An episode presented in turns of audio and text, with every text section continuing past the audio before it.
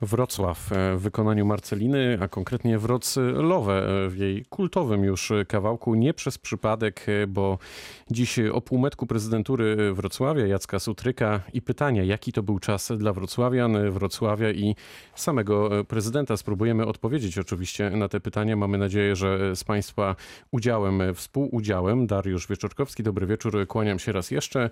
W naszym studiu dziś dr Jakub Nowotarski, Akcja Miasto. Dobry wieczór. Jak to zwykle, kiedy się widzimy, nie będziemy udawać, że się nie znamy, więc nie będziemy sobie e, panować. Czekamy bardzo na Państwa telefony 71 trójki 29 060 71 trójki 29 060. Jakoś musimy rozpocząć to spotkanie. Czasem to bywa najtrudniejsze, jak przy pisaniu rozprawek e, i różnych opowiadań na języku polskim. Tak, tak mi się teraz skojarzyło. Myślę, że nie tylko e, mi, jak patrzę na twarz naszego realizatora Dominika Otręby, który do tej pory z językiem polskim nie jest za pan brat, ale nie powiedziałem tego na głos. Mm, Jakubie, powiedz mi, mój drogi, jaki to był czas dla Wrocławian, Wrocławia i pana prezydenta? Takie, wiesz, ogólne, otwierające pytanie na początek.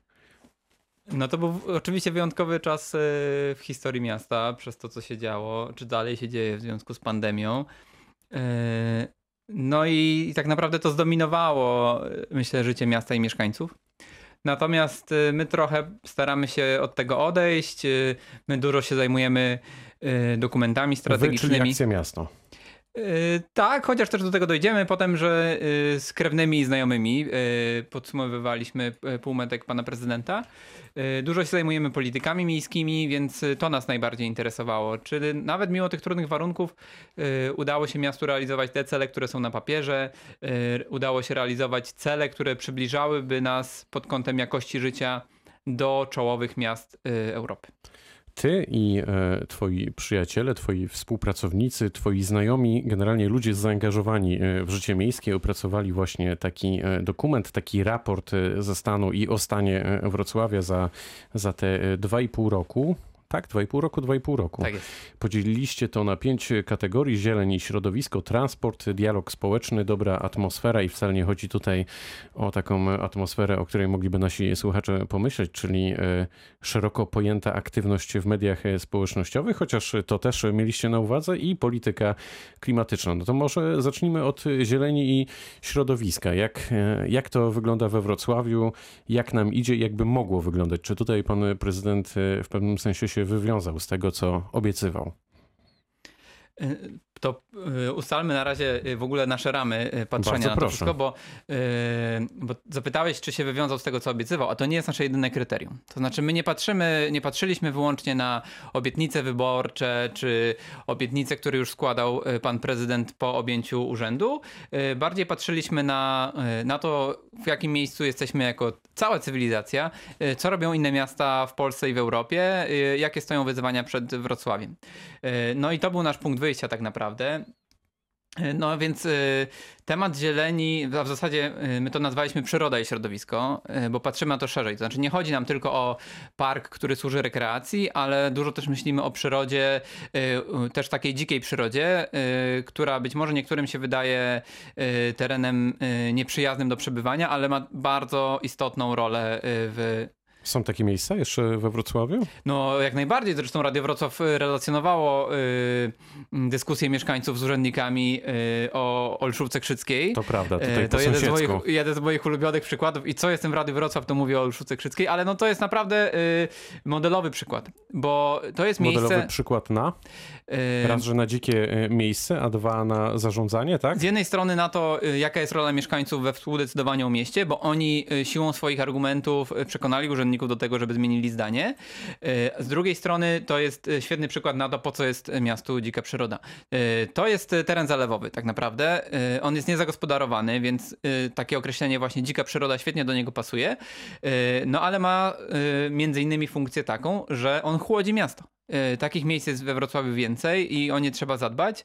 Natomiast dotychczas e, z tej naszej oceny, z tych dyskusji, które mieliśmy przy tworzeniu raportu, wynika, e, że o ile mm, miasto inwestuje na przykład w małe skwery, w parki kieszonkowe, tutaj też jest duże wsparcie mieszkańców z tytułu WBO, to te obszary dzikiej przyrody no, nie są wystarczająco chronione. Olszówka Krzycka jest przykładem, gdzie mieszkańcy musieli stanąć na głowie tak naprawdę, żeby zawalczyć o ten teren. Podajemy też przykład terenów irygacyjnych na Osobowicach. Y, to jest, to jest unikatowa przestrzeń, którą tak naprawdę można y, spokojnie nazwać rezerwatem. Y, nie tylko nazwać, ale można tam stworzyć rezerwat, po to właśnie, żeby lepiej chronić przyrodę. Więc o takich, o takich rzeczach myślimy. Więc stąd nasza, no taka dość dość ostra ocena. Surowa bo... ocena, bo za przyrodę i środowisko e, Wrocław, jak rozumiem przede wszystkim pan prezydent dostał ocenę 2 e, z plusem. Tak, tak. To właśnie to są, to są głównie, to jest głównie efekt tych, tego braku działań w obszarze przyrody. Liczymy na dużo więcej, jeśli chodzi o bioróżnorodność, o adaptację do zmian klimatu, o odbetonowywanie miasta. To wszystko są ważne wyzwania na najbliższe lata przed Wrocławiem, więc naszym zdaniem tutaj powinien zostać położony priorytet. No w tej historii na pewno warto jeszcze kończąc ten wątek E, przypomnieć o tym, że w tak zwanym międzyczasie człowiek, który odpowiadał za przyrodę i środowisko, za zieleń szeroko pojętą, to był pan wiceprezydent Adam Zawada. On stracił stanowisko, w tej chwili te kompetencje przejął osobiście pan prezydent Jacek Sutryk. Następny punkt to szeroko pojęty transport. No tutaj na pewno trochę nam to czasu zajmie, ale rozpocznijmy rozmowę na ten temat.